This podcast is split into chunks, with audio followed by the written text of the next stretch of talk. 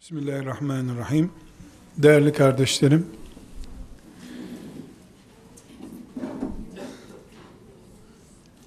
öncelikle başlığımızla ilgili bir küçük not hatırlatmak istiyorum. Resulullah kelimesi her ne kadar bir insanla ilgili kavram gündeme getiriyorsa da içinde Allah'a izafe edilmiş bir isim söz konusudur. Resulullah peygamber Allah'ın filanca özelliği taşıyan kulu özelliğini ihtiva ediyor. Bu nedenle biz burada Resulullah'ın filanca özelliği, Resulullah'ın filanca işi diye konuştuğumuzda içimizde çok rahat konuştuğumuz filanca özelliği, Ahmet'i, Mehmet'i konuşur gibi coğrafyamızdan İstanbul'u, Erzurum'u konuşur gibi filanca Ahmet'in, Mehmet'in ayakkabısını, Ahmet'in, Mehmet'in arabasını konuştuğumuz gibi Resulullah'ın sallallahu aleyhi ve sellem siyasetini, Medine'sini, Kur'an'ını konuşma cüretinde bulunamayız. Bizim şahsi kanaatlerimizi beyan ederken ki cüretimiz o esnadaki bilgimize itimadımız Allah'ın peygamberini konuşurken ki cüretimiz olamaz. İnşallah böyle bir hataya konuşan olarak, dinleyenler olarak düşmeyiz diye umuyorum.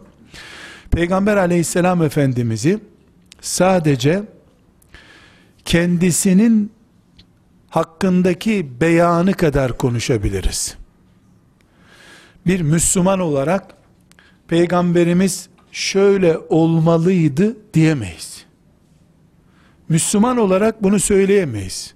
Ama Müslüman olmayan olaylara veya siyasi yorumlara Müslümanlığı dışında bir perspektiften bakan için elbette Medine'de Abdullah'ın oğlu Muhammed şöyle olmalıydı. Böyle olmadığı için de şöyle yanlıştı haşa diyebilir. Ama biz mümin olarak Muhammedun Resulullah diye iman ettiğimiz bir peygamberimizin ne siyaseti, ne medeni kimliği, ailesi veya filanca tavrı hakkında herhangi bir açıklama yaparken kişisel kanaatlerimizi peygambere, onun üzerinden de Allah'a mal edemeyiz. Bu mümin kimliğimize, Müslümanlık anlayışımıza yüzde yüz ters düşer. Baştan bu hususu belirtmemde fayda var. Herhalde en sonundaki soru sorma ihtimalinize karşı böyle bir ön tedbir aldığımı, baraj oluşturduğumu da tahmin etmişsinizdir zannediyorum. Değerli kardeşlerim, Resulullah sallallahu aleyhi ve sellemin siyasi kimliğini, onun siyaset ortamını, siyasi şahsiyetini konuşacağımız zemin, her şeyden önce bizim Peygamber aleyhisselam efendimizi kim olarak gördüğümüzle alakalıdır. Eğer Peygamber aleyhisselam efendimizi Arapların içinden çıkmış çok saygın bir şahsiyet olarak görüyorsak siyasetine veya siyaset anlayışına bakışımızda çok tabii olarak odur. Peygamber aleyhisselam efendimizi çocuklarını diri diri gömen gaddar ve zalim insanların içerisinden çıkmış çok saygın bir beyefendi adalete teşvik eden ahlaka teşvik eden bir insan olarak görüyorsak, siyasetini de o çapta bir yere oturtacağız demektir. Biz peygambere hayatın neresinde yer buluyorsak, siyasetini, medeniyetini, ahlakını, ticaretini de oraya oturtacağız demektir. Ben bir Müslüman olarak veya herhangi bir Müslümanın bakışıyla baktığımda, yani bir Müslüman olarak Peygamber aleyhisselama baktığımda, onu hayatın kendisi olarak görüyorsam, o zaman benim kanaatim şu olmak zorundadır. Peygamber benim gözümde hayat demek. Benim hayatım şu yaşadığım çağda siyaset, ticaret, ziraat, medeniyet, ahlak, sosyallik ne ihtiva ediyorsa peygamberim de hayatı kuşatan bir insan olarak benim başımda bulunduğuna göre peygamberim benim çok rahatlıkla siyasetin de ticaretin de ziraatin de içinde bulunduğu bir anlayışı temsil ediyor demektir. Eğer Müslüman insan olarak ben hayatı dinim olarak görüyorsam, dinimi de peygamberimden aldıysam, böyle düşünmek zorundayım. Hayır, din benim için hayat değil de, hayatın içinde sadece ahlaki boyutlar ihtiva ediyorsa, mesela yalan söylememek dindarlık demektir diye daraltıyorsam din anlayışını, mesela ömründe bir defa işte Hristiyanlıkta doğduğun zaman vaftiz oluyorsun.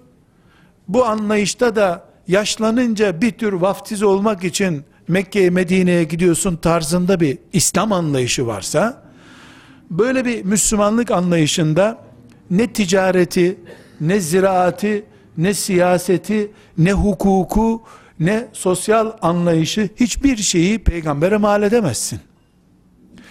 Peygamberler insanlara nasihat etmiş olmak için gelmiş kimlik sahibi insanlar mıdırlar? Yani yapmayın çocuklar, çok iyi olun, hadi gözünüzü seveyim, evlenin mutlu olun demek için mi gelmişlerdir? Göklerin yeri düzene koyması için temsilci olarak gönderilmiş kimseler midirler? Göklerin yerdeki temsilcisi durumunda mıdırlar? Yerde düzensizlikleri organize etmek için gönderilmiş zabıta görevlileri midirler? Bakış tarzı çok önemli. Peygamberlere baktığımız kadar peygambere yetki ve selahiyet tanımak durumundayız. Eğer nesiller arasında peygamberlere bakış tarzımız bizim hayatın bir köşesindense biraz önce e, dikkat çekmek istediğim örneklerde olduğu gibi hayatın sadece bir penceresinden mesela medeni ilişkiler penceresinden peygambere bakıyorsak peygamberi ticaretin dışına atmak zorundayız. Eğer hayatı sadece ziraatten ibaret görebiliyorsak veya herhangi bir esnaf grubu penceresiyle görüyorsak o alanın dışındaki bölümlerden peygamberi tecrit etmeye mecburuz. Hayır. Hayat bizim için imanımız demekse, imanımız da hayatı kuşatan büyük bir pencereden bakıyorsa dünyaya, o zaman iman ettiğimiz değerlerin özü olan sevgili peygamberimiz sallallahu aleyhi ve sellemin hayata bakışı içinde siyasetin de bulunduğu bir bakış demektir. Benim peygamberim sallallahu aleyhi ve sellem hayatı organize etmek için gelmiştir. Hayatın içinden bir köşeyi organize etmek peygamber göndermeyi değecek kadar üstün bir misyon değildir. Sadece ziraati organize etmek ve hayatın içinde sadece alkolsüz mesela bir ortam oluşturmak veya düğünlerde dua edip düğünlerin dualı olmasını sağlamak için bir iş yapmak peygamber göndermeye değecek bir iş değildir. İnsanlar da zaten nihayetinde peygamber de olmasalar, peygambere iman etmiş olmasalar bile alkolün trafik için sıkıntı olduğunu keşfedebiliyorlar. Ve alkolü trafikten tecrit etmek için kanun çıkarabiliyorlar. Bunun için yeryüzüne peygamber gönderilmesi, göklerle yerin arasında büyük bir misyon oluşturmaya ihtiyaç yoktur. Zaten düğünlerde birbirlerine hayır temennilerde bulunmak, hayırlı olsun, mübarek olsun, uğurlu olsun tarzında temennilerde bulunmayı insanlar zaten keşfediyorlar. Çalıyorlar, oynuyorlar, zıplıyorlar düğünlerinde. Sonra damatla gelini gönderirken hayırlı olsun temennisinde bulunuyorlar. Bunun için peygamber göndermeye değmez. Değmemiştir de nitekim. Peygamber hayatın içinden bir köşeyi organize eden tamirci değildir. Peygambere tamirci veya hayır duacı hacı amca rolü biçemeyiz. Peygamber Allah'ın yeryüzünde hayatı var etmedeki maksadının resmi temsilcisidir. Bu maksatta yeryüzünde insanın var edilmesi, insanın milyarları bulan büyük bir toplumu ve büyük bir alanı kuşatan mantığını peygamberler resmen organize etmek için vardırlar. Bu organize aziz kardeşlerim çok önemli. Her şeyden önce hatta namazdan önce namazdan önce hatta ezandan önce siyaseti gerektirir. Siyaseti olmayan bir peygamber yeryüzünde namaz kıldıramaz. Siyaseti olmayan bir peygamber oruç tutun diyemez. Alkol tehlikelidir diyemez. Ticarete yön vermedikçe insanların alkolik olup olmamaları ile ilgili bir karar da istar edemezsin. Peygamber olmak toplumu elinde bulundurmayı gerektirir. Toplum ise üç şeydir. Birincisi toprak gerekir bir topluma. İkincisi halk gerekir ve bu halkın organizesindeki mantığı oluşturacak yasama düzeni gerekir. Sevgili Peygamber aleyhisselam Efendimiz 13 sene Mekke'de peygamber olarak bulundu ama halkı vardı. Kendi çapında halkı vardı. Toprak onun değildi. Sisteme dair bir şey konuşamıyordu. Hicret arayışları içerisine girdi. Neden hicret arayışları içerisine girdi? Peygambersin, sana ait bir toprak yok. Peygambersin, sana inen ayetleri koyacağın bir zihin tabakası yok, bir yer yok. E, peygamber olman deyim yerindeyse ayakları yere basmayan havada kalan bir anlayış oluyor. Ne zaman Musab bin Ümeyr Medine'yi peygamberi karşılayacak toprak parçası haline getirince kanun uygulandı. O gün cuma namazı emredildi. Çünkü insanların iş yerinden izin almalarını sağlamadıkça cuma Allah'ın size emridir demenin de gereği yoktu.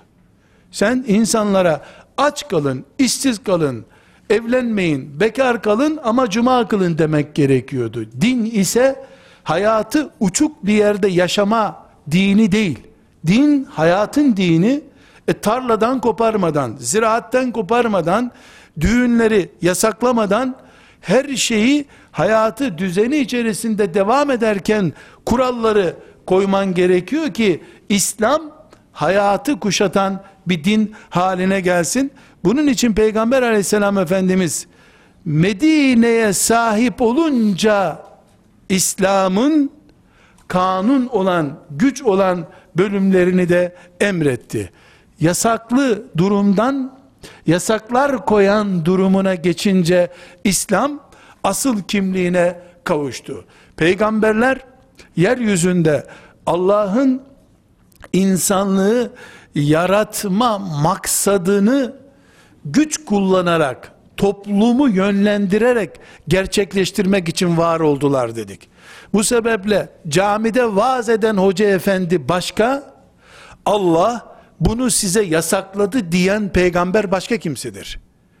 Hocalar veya ahlak öğretmenleri, din dersi öğretmenleri başka bir noktadır. Peygamber başka bir noktadır. Hocalar camilerde sadece işte alkol çok kötüdür. Hele hele şu alkolü kullanmayın. Birbirinize hakaret etmeyin. Yalan konuşmayın. Aman ne olursunuz kimsenin ayağına basmayın. Kediler Allah'ın yarattığı mahluklardır. Kedilere taş atmayın çocuklar. Allah size kızar, küser diyenler yani bu noktada sadece din uygulayabilenler peygamberlerin olsa olsa Musa aleyhisselamdan önceki bölümünü temsil edebilirler. Ama Musa aleyhisselam peygamberliğin toprağa da hükmetmek isteyen döneminin temsilcisidir. Bunun için İsa aleyhisselam Roma'yı karşısında almak zorunda olduğu için bu yeryüzünde peygamberlik misyonunu icra edemedi. Müşrikleri ve bütün dünya sistemini karşısına almaya razı olan ve aynı şekilde de bunun için hicrete talip olan, bunun için bunun için 8 senelik peygamberlik döneminde 60'tan fazla savaş kararı vermek zorunda olan peygamber sallallahu aleyhi ve sellem efendimiz asıl peygamberlik misyonunu gerçekleştirmiş ve peygamberlerin son tuğlasını koyan asıl usta niteliğini ortaya koymuştur. Peygamberler insanlara nasihat eden hacı amca rolünde kimseler değildirler. Peygamberler insanlığın asıl yükseltilmesi gereken zirve hedefi ortaya koymuş ve bu uğurda mücadele etmiş kimselerdirler. Sevgili Peygamberimiz sallallahu aleyhi ve sellem de bunu fiilen gerçekleştirmiş son peygamberdir. Bu nedenle dini de kıyamete kadar kalmaya uygun bir din olmuştur. Aziz kardeşlerim, sevgili gençler, bu nedenledir ki Peygamber aleyhisselam efendimizi en iyi tanıyan, en güzel vefayı gösteren ve Allah tarafından iyi olduğu Kur'an'la teyit edilmiş bulunan ashab-ı kiramın büyüğü Ebu Bekir ve onun yanındaki Ömer, Allah hepsinden razı olsun ve diğer ensardan, muhacirden olan sahabiler, Peygamber Efendimiz sallallahu aleyhi ve sellem vefat ettiği zaman, onun bir pazartesi günü, işte sabah 9-10 arası bir vakitte vefat etti Efendimiz. Net olarak bilmiyoruz ama sabah namazından sonra işrak vakti çıkınca vefat ettiğine göre işte 8 ile 11 arası bir saatte vefat etti Efendimiz sallallahu aleyhi ve sellem. Efendimizin naaşını hemen defnetmek dini bir vecibeydi. Çünkü vefat eden bir insanı bekletmek caiz değildir. Cenaze hemen defnedilir. Sünnet böyledir. Peygamberin emri budur. Sağlığında da böyle uygulama yapmıştır. Sabahleyin vefat etmiş, akşama kadar bekletilmiş bir cenaze yoktur. İkindiye kadar bekletilmiş cenaze de yoktur. Hatta cenazelerin mesela sabahleyin vefat etmiş öğle namazı için camiye götürülmesi uygulaması da yoktur Efendimiz'de. Vefat eder, öğle namazı, kindi namazı beklenmez. Hemen defnedilir. Cenazede usul budur. Sünnet böyledir. Buna rağmen ashabın büyükleri olan başta Ebu Bekir olmak üzere Peygamber aleyhisselam efendimizin cenazesini öldüğü yerde bırakmışlar. Kendileri Medine'nin o zaman dışında olan bir mahallesinde toplanıp peygamberden sonra Müslümanların sevki idaresi yani siyasi yönetiminin nasıl belirleneceğine dair toplantı yapmışlardır. Bir yanda peygamber aleyhisselamın cenazesi bekliyor. Öbür tarafta da onu 23 yıl canla başla beraberlik sergilemiş en yakın dostları ondan sonra ümmetin sevgi idaresi nasıl olacağını konuşuyorlar. Bir kişiyi başlarına lider seçiyorlar. O liderden sonra oy birliğiyle ümmetin idaresi işte Ebu Bekir'in elinde olsun diyorlar. Bunu kararlaştırıyorlar. Herkesten onay alıyorlar. Onay alıyorlar sözü bugünkü ifadeyle söylüyorum seçim yapıyorlar. Saat 9'da peygamberleri vefat ediyor. 11'e kadar liderini seçiyorlar. Oy birliğiyle onay alıyorlar. İşte üst kurullardan onay bitiyor. Tamam diyorlar liderimiz budur. Herkes oy birliğiyle karar veriliyor. Medine'de böyle bir oylama yapılıyor. Öğle namazından sonra da yatsı namazına kadar Peygamber aleyhisselamın defnedilmesi, cenazesinin kılınıp defnedilmesiyle ilgili diğer işlemlere geçiliyor. Yani bunu biz yapsak, bu asırda birisi yapsa, Osmanlı padişahlarından birisi yapmış olsaydı mesela veya Selçuklu hükümdarlarından biri yapmış olsaydı, ya adamın dindarlık anlayışına bak, peygambere saygısına bak, taht düşkünlüğüne bak diyecektik. Yani babasının naaşiyle uğraşmıyor, işte demek ki tahta düşkün, liderlik sevdalısı filan derdik. Ama bunu yapan Ebu Bekir, Ömer, Ensar, muhacir dediğimiz insanlar bunu yapıyorlar liderlik kavgası, kaygısıyla itham edilebilecek insanlar değil. Tat düşkünü denebilecek insanlar değil. Makam sevgisi olan insanlar değil. Ama din sevgileri, peygamber sevgileri ve dünyaya bakışları, dünyanın sevki idaresiyle ilgili anlayışlarını değerlendirdiğimizde bakıyoruz ki Peygamber aleyhisselamın şahsına olan tutkuları, hayranlıkları, işte mağarada onun için can veren Ebu Bekir, e, yüzlerce kere onun e, e, ölüm kusacak sahnelerinin önünde göğsünü oklara, kılıçlara karşı siper etmiş insanlar onun naaşını bir yerde bırakıp din naaş haline gelmesin diye taktik geliştirmelerine bakıyoruz dini herhangi bir halifeden, herhangi bir siyasi liderden belki milyonlarca defa daha iyi anlamış ve bu anlayışları Allah katında ispat edilmiş insanlar bunlar. Ama bakıyoruz Peygamber aleyhisselamın şahsından önce peygamberin dini kimliğini, siyasi idrakini kavramışlar. Eğer o gün arkadaşlar eğer o gün siyasi bir deha olarak Ebu Bekirler, Ensar ve Muhacir toplanıp peygamber vefat etti. Biz bu peygamberin vefatından sonra dini e, kimliğimizi, Müslümanlığımızı nasıl devam ettireceğiz diye oturup bu riskli kararı almasalardı Allah bilir ya tabi bizimki hani kağıt üzerindeki zanlar hesabından konuşuyoruz. Bugün bizim Müslüman olarak bu coğrafyada adımız anılmıyor olabilirdi. 10 gün içinde Medine kan gölüne bulanıp Medine'de İslamiyet tarihe gömülmüş olabilirdi.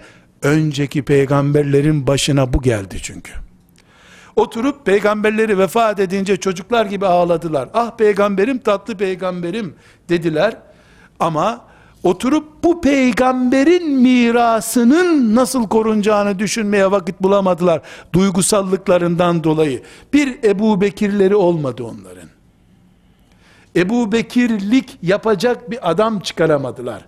Bu da onların bile bile yaptıkları bir şey değil şüphesiz. Allah Ebu Bekir'i olmayı Muhammed Aleyhisselam'a kader olarak yazmıştı da İslamiyet 1400 senedir Medine'deki berraklığıyla hala devam ediyor. Allah onlardan razı olsun. Burada Ebu Bekir'i veya herhangi bir sahabi, ensarı, muhaciri konuşmuyoruz. Ebu Bekir'in kafasındaki peygamber anlayışının, İslam anlayışının nasıl siyasetle iç içe yoğrulmuş bir anlayış olduğunu konuşuyoruz. Ebu Bekir'e göre peygamberin naaşı durabilir ama ümmetin geleceği duramaz bir yerde. O gün o karar verilmeliydi. Eğer peygamber aleyhisselamın peygamber aleyhisselamın naaşı o gün önce peygamberimizin mübarek kabri şerifini kazalım diye başlasaydı o gün ümmeti Muhammed belki peygamberiyle beraber son İslami duygularını yaşayıp ahirete göçmüş olacaklardı. Birbirini parçalayacaktı ashab-ı kiram. Ama önce otorite sağlandı, önce siyasi dirlik sağlandı, onun üzerine İslam, cihat vesaire diğer ibadetler oluşturuldu. Bu, burada gelmek istediğim nokta aziz kardeşlerim, İslam sadece namaz değil, İslam ölülere cenaze namazı kılma dini değil. İslam oruç tutma dini değil. İslam işte Bizans'ı fethetme, İstanbul'u e, peygamberin sevdasına kavuşturma, İran'ı fethetme dini değil. İslam hayattır. Hayata renk vermek için gelmiştir. İslam hayatı Allah'ın iradesine göre yaşamak içindir. Bunu yapan en büyük e, işlem de siyasettir. Çünkü insanların e, karınlarını doyurma taktiğini bile siyaset belirler. İnsanların medeni düzenine siyaset şekil verir. İnsanların askeri kararlarını siyaset verir. Coğrafyayı siyaset şekillendirir. Allah'ın dini insanları yönlendirmek üzere kurulmuş, gelmiş bir sistemse içinde muhakkak siyaset vardır. Peygamber aleyhisselamı ashab-ı kiram bu şekilde görmüşlerdir. Aziz kardeşlerim peygamberimizin hayatına döndüğümüzde de Peygamber aleyhisselam efendimizin 23 yıllık bir hayatı var içimizde. Bu hayatın belki işte filan günün filan saati şeklinde ayrıntıları elimizde yok. Ama ana karakteriyle 23 yıl Peygamber aleyhisselam efendimizin nerede ne yaptığı, hangi konuda ne konuştuğuna dair binlerce döküman var elimizde. Bu dökümanlar bir Kur'an ayetleri şeklinde bize ulaşmış. İki, Peygamber aleyhisselam efendimizin hadisleri şeklinde sağlam bilgi kanallarıyla bize ulaşmış.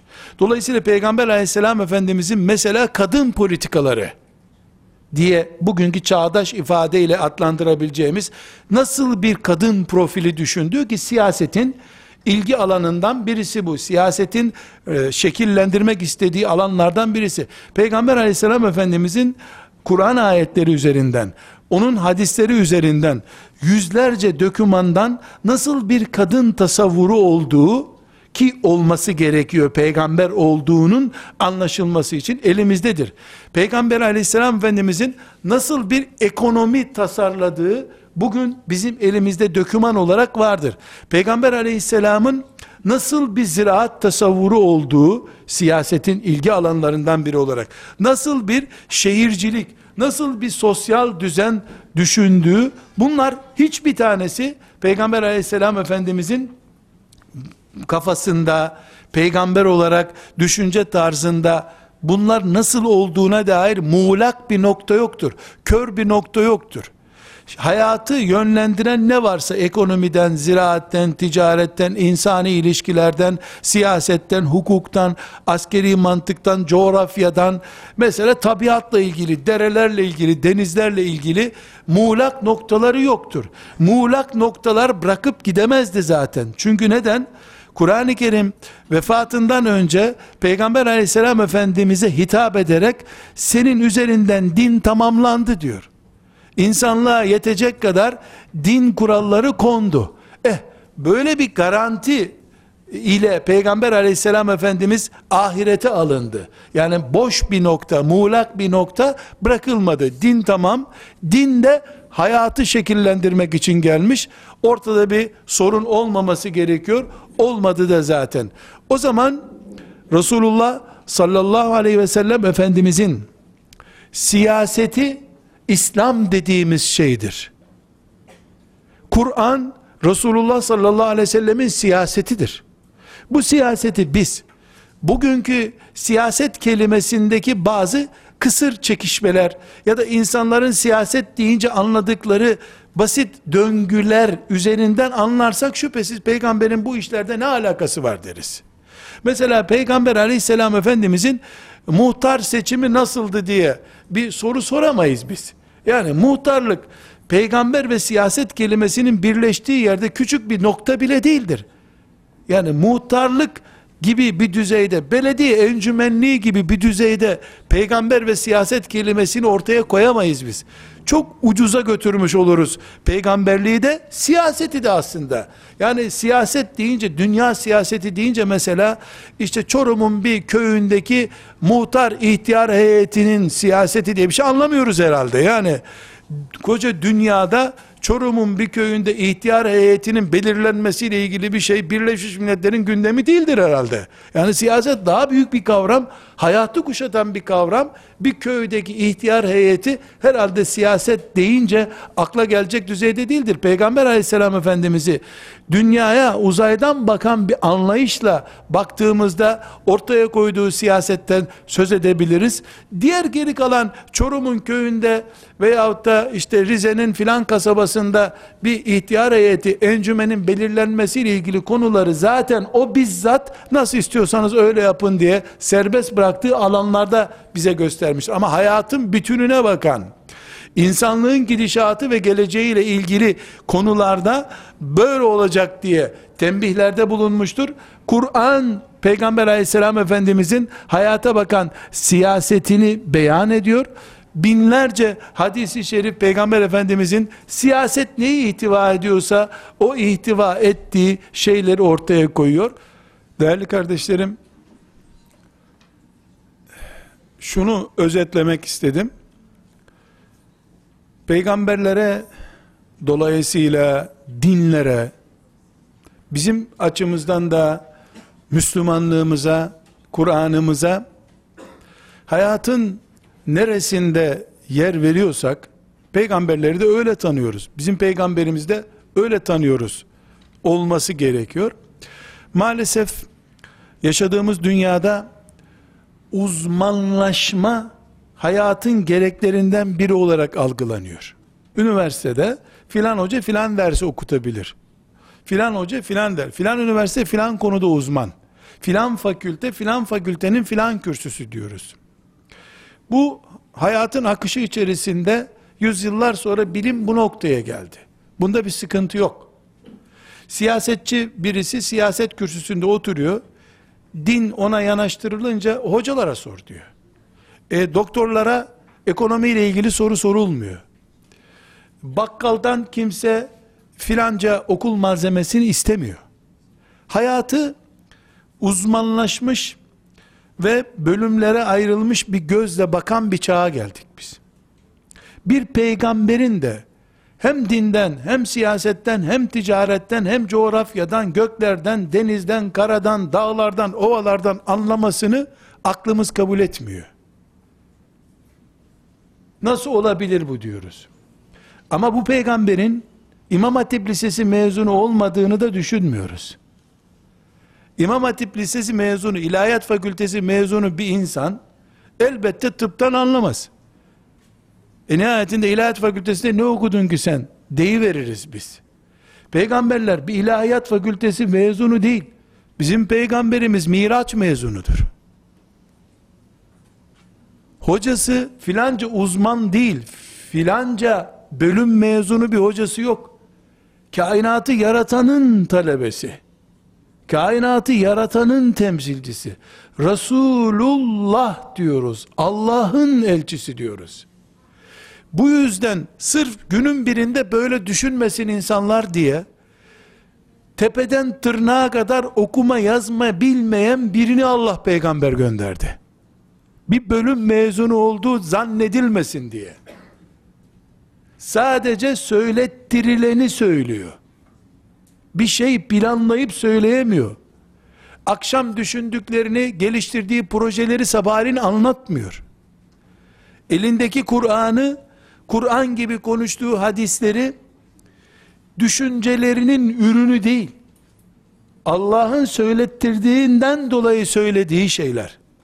Dolayısıyla peygamberin siyaset dışı tutulması, ekonomi dışı tutulması, hukukun dışında tutulma veya hangi alanın dışında tutuluyorsa peygamber, ben orada bulunacağım dediği halde. Çünkü peygamber belli bölümlerde ben burada yokum siz serbestsiniz dedi. Ama ben buradayım dediği alanlarda peygamberin orada bulunmaya uygun bulunmaması peygamberden önce peygamber benim adamımdır diyen Allah'ın orada bulunmaya uygun bulunmaması demektir. Evet Çorum'da bir köyde ihtiyar heyetinin belirlenmesiyle ilgili konu ben bunu kararlaştıracağım dediği konu değildir peygamberin. Devletin başındaki adamın nasıl belirleneceği konusunu peygamber aleyhisselam ben belirleyeceğim dememiştir. Serbest bırakmıştır.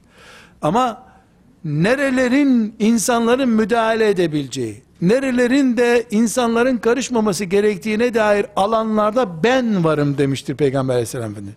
O ben de aslında Allah'tır. Dolayısıyla insanların siyaset başta olmak üzere belli alanlara peygamberin müdahalesini uygun bulmamaları, Allah'ın uluhiyetini uygun bulmamaları anlamına gelir. Peygamber aleyhisselamın siyasetle ilgili bir kanaati yoktur. Olamaz da zaten. Peygamber kendisi bir şey söylemiyor ki. filan gezisinden elde ettiği gezi notları değil ki. Allah'tan aldığı ayetler, Allah'ın adına söylediği sözler. Hadis olsun, ayet olsun. Bu yüzden iki şeyi tespit etmemiz lazım. Siyaseti madem peygamberle birleştirip konuşturacağız. Bir defa siyaset baştan sona kadar Peygamber aleyhisselamın böyle olacak dediği bir alan değildir. Temel çizgilerini belirlediği alandır. Adına kraliyet mi denir? Adına demokrasi mi denir? Adına filanca sistem mi denir? Bu önemli değil peygamber için. Önemli olan Allah'ın kulları üzerindeki tasarrufuna müdahale edilen bir mantık mı var ortada? Buna bakıyor peygamberler. Yoksa halife olmuş, başkan olmuş, reis olmuş, şöyle başkan olmuş, böyle başkan olmuş. Bunlar çok önemli isimler değil. İlk peygamberden sonra gelenin adı halifeymiş. Ondan sonra emirül müminin olmuş. Ondan sonra filanca kral olmuş. Bunlar çok önemli şeyler değil. Önemli olan peygamberin oturtmak istediği insan sistemi duruyor mu? Allah'ın yok dediği şeyler var haline mi getirilmiş? Olmasını istediği şeyler kaldırılmış mı? Bunlara bakacağız birinci planda. Bu çok önemli. Bunu tespit ettik, bunu kabul ettikten sonra biz Peygamber aleyhisselam var demektir zaten. Eğer bunlar yoksa Peygamber aleyhisselamın adına bir devlet kurmuş olsak, mesela e, Afrika'da bir devlet Muhammed Mustafa devleti diye anılmış olsa, ama orada faiz yasal garanti altında bulunduğu sürece adının Muhammed Mustafa'nın peygamberlik devleti olması hiçbir anlam ifade etmiyor. Zina orada serbest olduğu sürece, orada insan öldürmenin suç olmadığı bir sistem bulunduğu sürece, orada Kur'an herhangi bir şekilde Allah'ın kitabı olarak gönüllerde, kafalarda, pratikte bulunmadığı sürece, Peygamber aleyhisselamın adı kullanılsa ne olur, soyadı kullanılsa ne olur? İçerik önemli, dış görüntü sonra önemli. Bu nedenle biz Peygamber aleyhisselam ve siyaset kelimesini bir belediye başkanlığı düzeyinde, bir parlamentoda üyelik düzeyinde düşünürsek yazık ederiz. Çok çocuksa düşünmüş oluruz. Yani siyaseti bu kadar basite indirgemek de yanlış üstadım. Siyaseti bu kadar basite indirgemek de siyasete hakaret her şeyden önce. Siyaset filancanın seçilmesi böyle bir şey değil ya. Siyaset insanlığın geçmiş 10 bin senesiyle belki gelecek 10 bin senesinin planlanması demektir. Siyaseti daha büyük, daha geniş manada düşündüğümüzde eğer peygamber yoksa bu siyasette din yok demektir. Allah yok demektir. O zaman din ve Allah'ın olmadığı bir sistemde Müslüman da bulunamaz. Böylece bir yer oturtuyoruz. Bu yeri Peygamber aleyhisselam olmazsa biz de olmayız diye düşünüyoruz. Ee, inşallah şu andaki konumumuzla belki de dünkü konumumuzla bile değil olması gereken bir konumla inşallah takdir etmeye çalışıyoruz. Allah umduklarımıza sevdiklerimize kavuştursun diye dua ediyorum.